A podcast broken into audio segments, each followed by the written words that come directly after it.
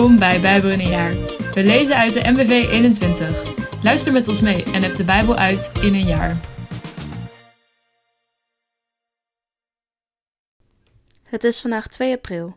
We lezen Spreuken 8, vers 22 tot met 31, nummer 33, nummer 34 en Lucas 9, vers 10 tot met 27.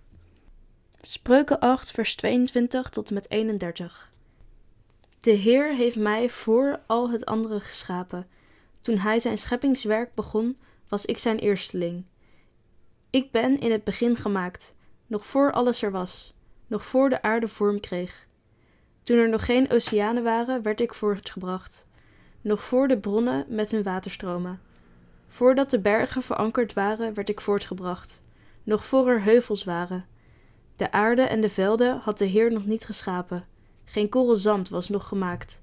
Ik was erbij toen hij de hemel zijn plaats gaf en een cirkel om het water trok. De wolken aan de hemelkoepel plaatste, de oceanen bruisend op liet wellen.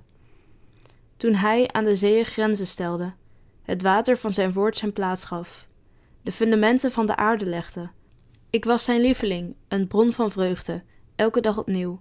Ik was altijd verheugd in zijn aanwezigheid, vond vreugde in zijn hele aarde en verheugde mij in de mensheid. Nummer 33. Lijst van pleisterplaatsen. Dit zijn de pleisterplaatsen die de Israëlieten aandeden, nadat ze onder leiding van Mozes en Aaron, geordend in legerafdelingen, waren vertrokken uit Egypte. Op bevel van de Heer heeft Mozes de plaatsen waar ze hun kamp hadden opgeslagen genoteerd. Ze trokken als volgt van de ene pleisterplaats naar de andere. Op de vijftiende dag van de eerste maand verlieten de Israëlieten Rameses. Voor de ogen van de Egyptenaren vertrokken ze, de dag na het Pesachmaal, vastberaden weg. De Egyptenaren waren toen hun eerstgeborenen, die de Heer gedood had, aan het begraven. De Heer had hun goden een afstraffing gegeven. Nadat de Israëlieten Rameses verlaten hadden, sloegen ze hun kamp op in Sukkot. Nadat ze Sukkot verlaten hadden, sloegen ze hun kamp op in Etam, aan de rand van de woestijn.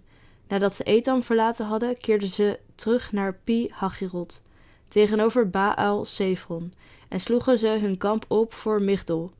Nadat ze Pi Hagirot verlaten hadden, trokken ze dwars door de zee naar de woestijn.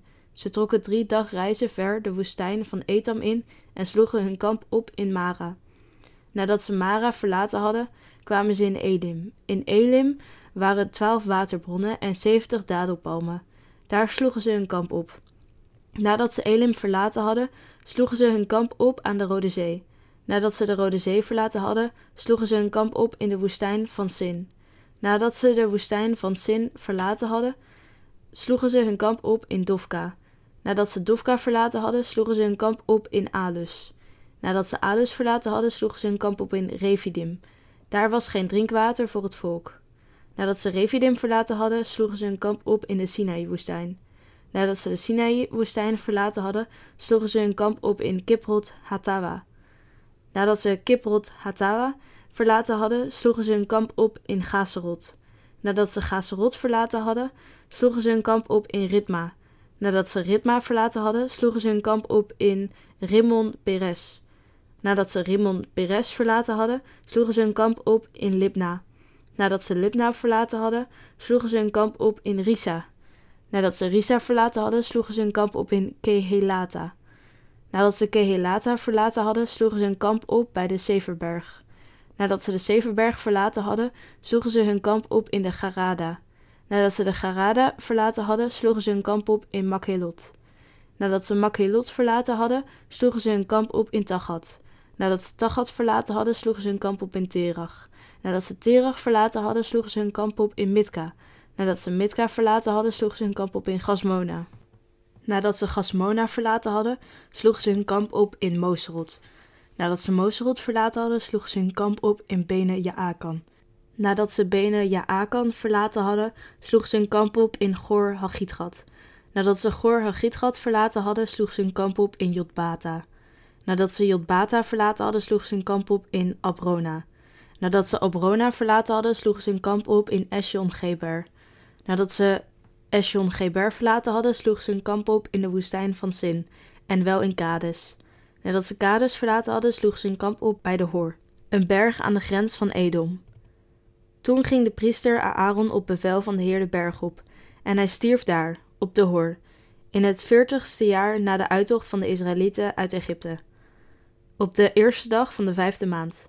Aaron was 123 jaar toen hij op de Hor stierf. De Canaanitische koning van Arad, die in de Negev in Canaan woonde, vernam dat de Israëlieten in aantocht waren. Nadat ze de Hor verlaten hadden, sloegen ze hun kamp op in Salmona. Nadat ze Salmona verlaten hadden, sloegen ze hun kamp op in Punon. Nadat ze Punon verlaten hadden, sloegen ze hun kamp op in Obot. Nadat ze Obot verlaten hadden, sloegen ze hun kamp op bij de Ije Haarbarim aan de grens van Moab. Nadat ze de Ije Haarbarim verlaten hadden, sloegen ze hun kamp op in Dibon Gad. Nadat ze Dibon Gad verlaten hadden, sloegen ze hun kamp op in Almon Diblatayim. Nadat ze Almon Diblatayim verlaten hadden, sloegen ze hun kamp op in het Abarim-gebergte, bij de Nebo. Nadat ze het Abarim-gebergte verlaten hadden, sloegen ze hun kamp op in de vlakte van Moab, bij de Jordaan, tegenover Jericho. Ze sloegen hun tenten op langs de Jordaan, van Bet Haye Simot tot aan Abel Hasitim, in de vlakte van Moab. Verdeling van Canaan. In de vlakte van, van Moab aan de Jordaan ter hoogte van Jericho, zei de Heer tegen Mozes: Zeg tegen de Israëlieten: Wanneer jullie de Jordaan oversteken naar Canaan, moeten jullie de bewoners van dat land verdrijven. Vernietig al hun stenen met afbeeldingen en al hun gegoten beelden, en verwoest de offerplaatsen. Neem het land in bezit en ga er wonen. Ik geef jullie dit land in eigendom. Jullie moeten het land door middel van loting onder de verschillende geslachten verdelen. Geef een groot geslacht een groot stuk grond in bezit, een klein geslacht een klein stuk. Het lot bepaalt wat elk geslacht krijgt. Zo moeten jullie het land onder de verschillende stammen verdelen. Maar als jullie de bewoners ervan niet allemaal verdrijven, zullen degenen die je overlaat zich vijandig tegenover je opstellen, wanneer jullie eenmaal in het land wonen. Ze zullen tot dorens in je ogen worden en tot stekels in je zij. En dan zal ik met jullie doen wat ik van plan was met hen te doen. Nummer 34. De Heer zei tegen Mozes: Deel de Israëlieten het volgende mee. Wanneer jullie in Canaan zijn gekomen, zullen dit de grenzen zijn van het grondgebied dat jullie toevalt. Jullie zuidgrens loopt vanaf de woestijn van Sin langs het gebied van Edom en begint dus bij de, uiterst, bij de uiterste zuidoostpunt van de Zoutzee.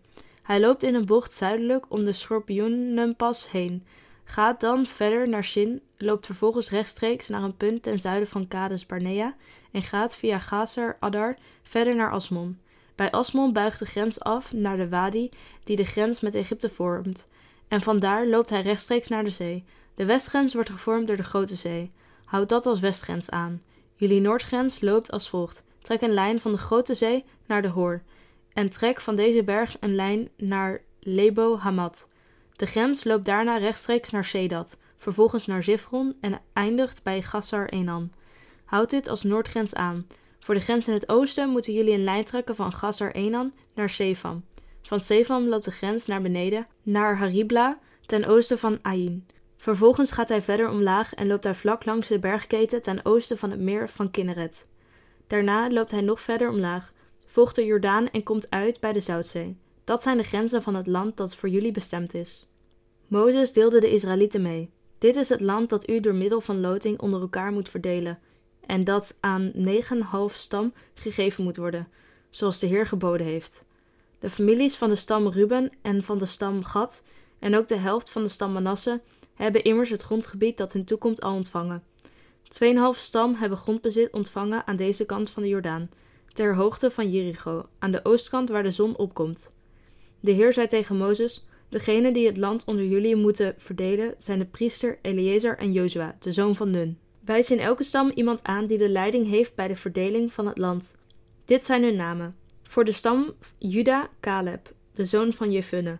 Voor de stam Simeon, Semuel, de zoon van Amihud.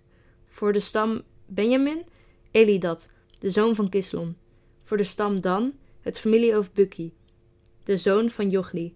Wat de nakomelingen van Jozef betreft, voor de stam Manasse het familiehoofd Ganiel, de zoon van Eveld, en voor de stam Ephraim het familiehoofd Kemuel, de zoon van Siftan.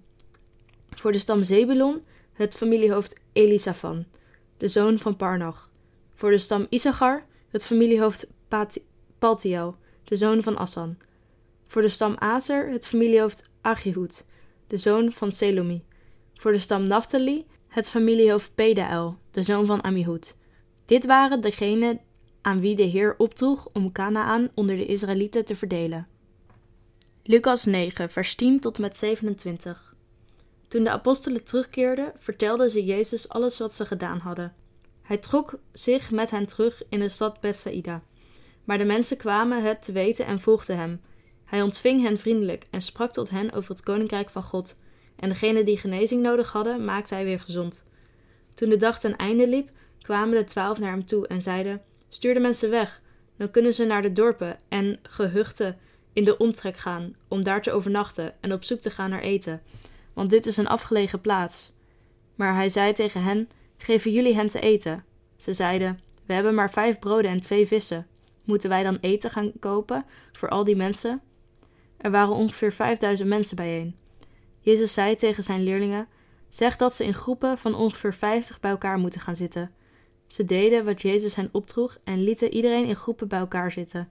Jezus nam de vijf broden en de twee vissen, keek omhoog naar de hemel en sprak er het zegengebed over uit. Daarna brak hij het brood en gaf het met de vissen aan zijn leerlingen om aan de menigte uit te delen. De mensen aten en alle werden verzadigd. De stukken brood die overbleven werden opgehaald, twaalf manden vol. Onderricht aan de leerlingen.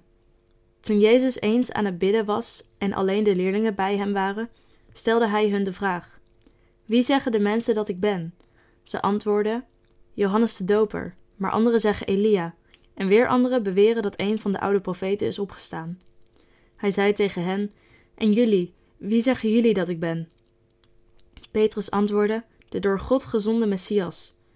Hij gebood hun uitdrukkelijk dat tegen niemand te zeggen. Hij zei: De mensenzoon zal veel moeten lijden, en door de oudsten, de hoge priesters en de schriftgeleerden worden verworpen en gedood. Maar op de derde dag zal hij uit de dood worden opgewekt. Tegen allen zei hij: Wie achter mij aan wil komen, moet zichzelf verloochenen en dagelijks zijn kruis op zich nemen en mij volgen. Want ieder die zijn leven wil behouden, zal het verliezen, maar wie zijn leven verliest omwille van mij, zal het behouden. Wat heeft een mens eraan als hij de hele wereld wint, maar zichzelf verliest of schaadt? Als iemand zich schaamt voor mij en mijn woorden, zal de mensenzoon zich ook voor hem schamen, wanneer hij komt in de stralende luister die hemzelf, de Vader en de heilige engelen omgeeft. Ik verzeker jullie dat sommigen die hier aanwezig zijn, de dood niet zullen ervaren, voordat ze het koninkrijk van God hebben gezien. Bedankt voor het luisteren.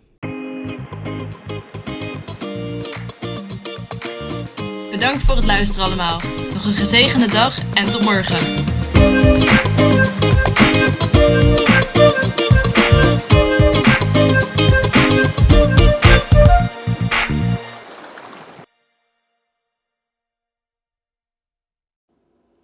Met dank aan het Nederlands-Vlaams Bijbelgenootschap voor het gebruik van de MBV 21.